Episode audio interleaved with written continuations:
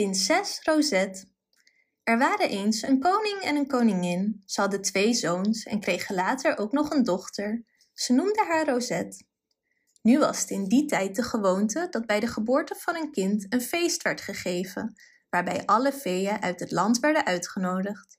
En het was ook gebruikelijk dat de feeën dan een voorspelling over het kind deden.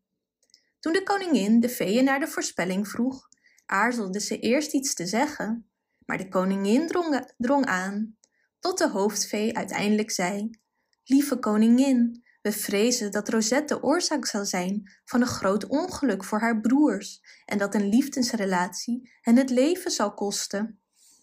De koning en koningin waren ten einde raad, tot iemand de koningin vertelde dat er in een groot bos een kluizenaar in een holle boom woonde die raad gaf aan mensen uit alle delen van de wereld. Dus ging de koningin bij hem op bezoek. De man gaf haar het advies dat ze de prinses haar leven lang in een hoge toren moest opsluiten. Toen de koning dit hoorde, liet hij direct een hoge toren bouwen en zette zijn dochter erin. Korte tijd later werden de koning en koningin erg ziek en stierven ze.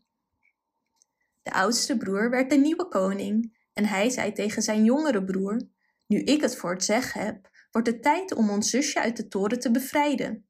En dat deden ze. Rosette kon natuurlijk haar geluk niet op toen haar broers haar uit de toren haalden. Ze genoot samen met haar hondje Frisk van de grote kasteeltuin en de bloemenpracht.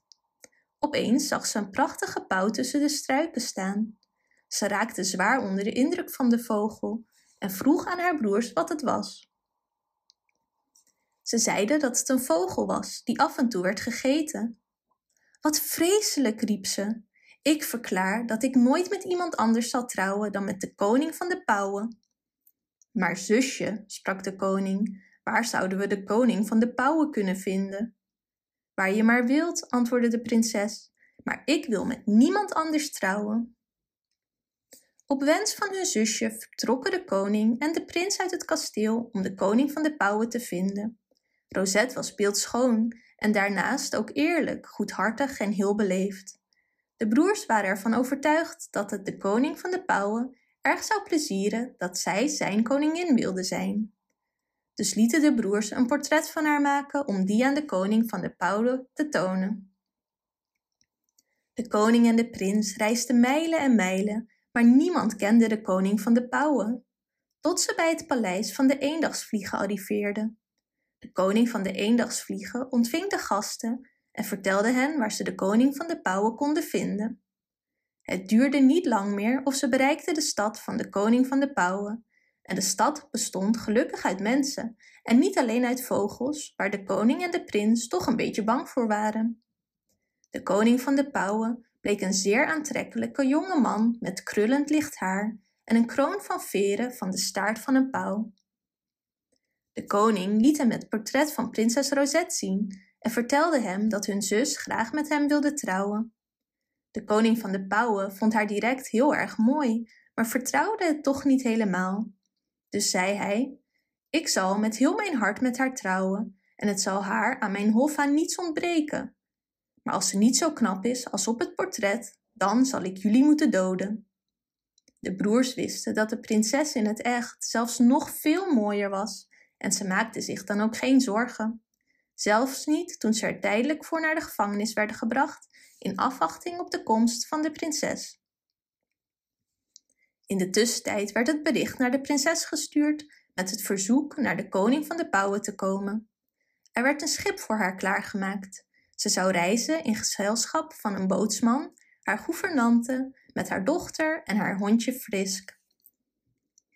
Toen de gouvernante een moment alleen met de bootsman had, vroeg ze hem: Wil je een rijk man worden? Je hoeft alleen de prinses van de boot af te gooien. Mijn dochter gaat voor haar in de plaats. Ze zal met de koning van de pauwen trouwen en ik zal je betalen met diamanten, zoveel je maar wilt.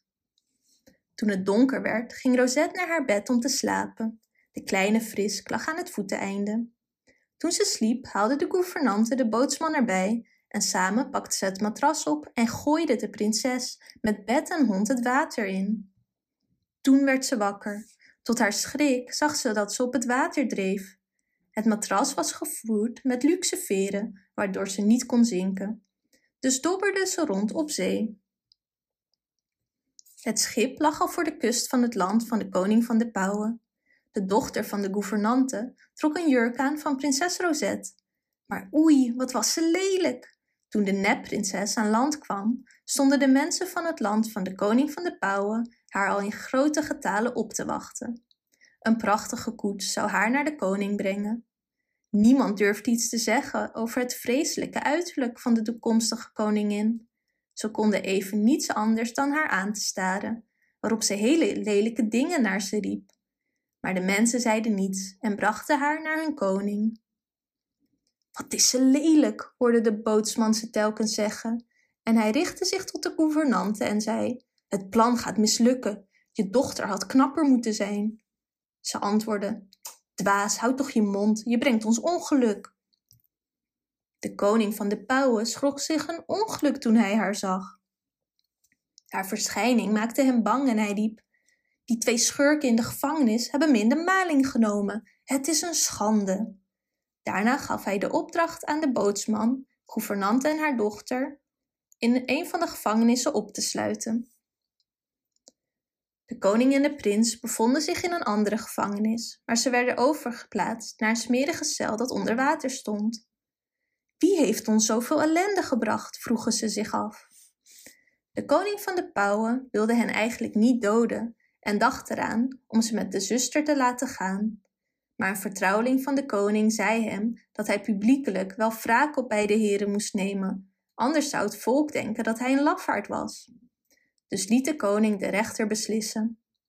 Deze besloot dat de broers veroordeeld zouden worden als verraders. De broers verklaarden erop dat ze niet schuldig hadden gemaakt aan leugens en dat hun zus beslist een prinses was. Ze vroegen de rechter om zeven dagen uitstel van hun vonnis om hun onschuld te bewijzen. De rechter ging hiermee akkoord. In de tussentijd dreef prinses Rosette al een tijdje op het matras voor de kust van het land van de koning van de pauwen. Ze dacht dat ze op bevel van de koning in de zee was gegooid. Misschien heeft hij zich bedacht, was het enige wat ze zich kon bedenken. Een oude man hielp hen uit het water. Ze waren doorweekt en de man maakte in zijn hutje aan het strand een vuurtje waaraan ze zich konden opwarmen. Ze vertelde de oude man wat haar was overkomen. De oude man zei: Ga naar de koning en zeg wie je bent. Ik weet zeker dat, als hij je ziet, hij direct met je wil trouwen. Maar de prinses zei dat ze bang was dat hij haar zou doden. De oude man had niets te eten in huis, dus vroeg ze Frisk naar de stad te gaan en daar vandaan iets lekkers mee te nemen. Frisk liep rechtstreeks naar de keuken van de koning en pakte er al het eten uit de pan. Hij deed het in een mandje dat Rosette om zijn nek had gehangen en liep ermee terug naar de hut. Hetzelfde deed Frisk drie dagen lang. Drie avonden stal hij al het eten uit de keuken van de koning van de pauwen. De koning at al drie dagen lang niets en werd de derde dag dan ook heel erg ziek.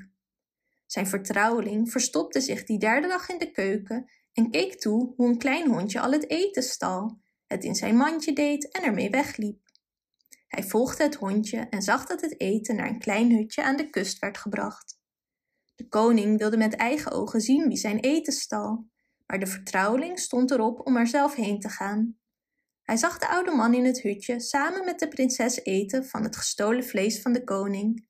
Hij bond de oude man, de prinses en de hond stevig vast en nam ze mee naar het kasteel. Toen ze bij het kasteel aankwamen, zei de koning: Ze zullen met de twee bedriegers tegelijk tot de dood veroordeeld worden. De oude man viel op zijn knieën, bood zijn verontschuldigingen aan voor het stelen van het eten en verklaarde dat prinses Rosette in de zee was gegooid. Toen de koning daarna een blik wierp op de prinses, voelde hij vlinders in zijn buik. Zo verliefd was hij direct op haar. Hij sprong op, rende naar haar toe, omhelsde haar en bevrijdde haar. Hij zei haar dat hij van haar hield met heel zijn hart. De koning en de prins werd gevraagd naar het paleisplein te komen. Ze gingen ook, maar dachten dat hun laatste uur geslagen was. Ook de bootsman, gouvernante en haar dochter werden naar het plein van het paleis gebracht. Toen Rosette haar broer zag, vloog ze hen in hun armen. De bootsman, gouvernante en haar dochter smeekten om genade. De koning was zo blij dat hij het hen vergaf. De oude man kreeg een grote beloning en mocht in het kasteel van de koning blijven wonen. Het huwelijksfeest duurde vijftien dagen lang en iedereen leefde nog lang en gelukkig. Bedankt voor het luisteren. Wist je dat je dit verhaal ook op onze website ririro.com/nl kunt lezen, downloaden en printen?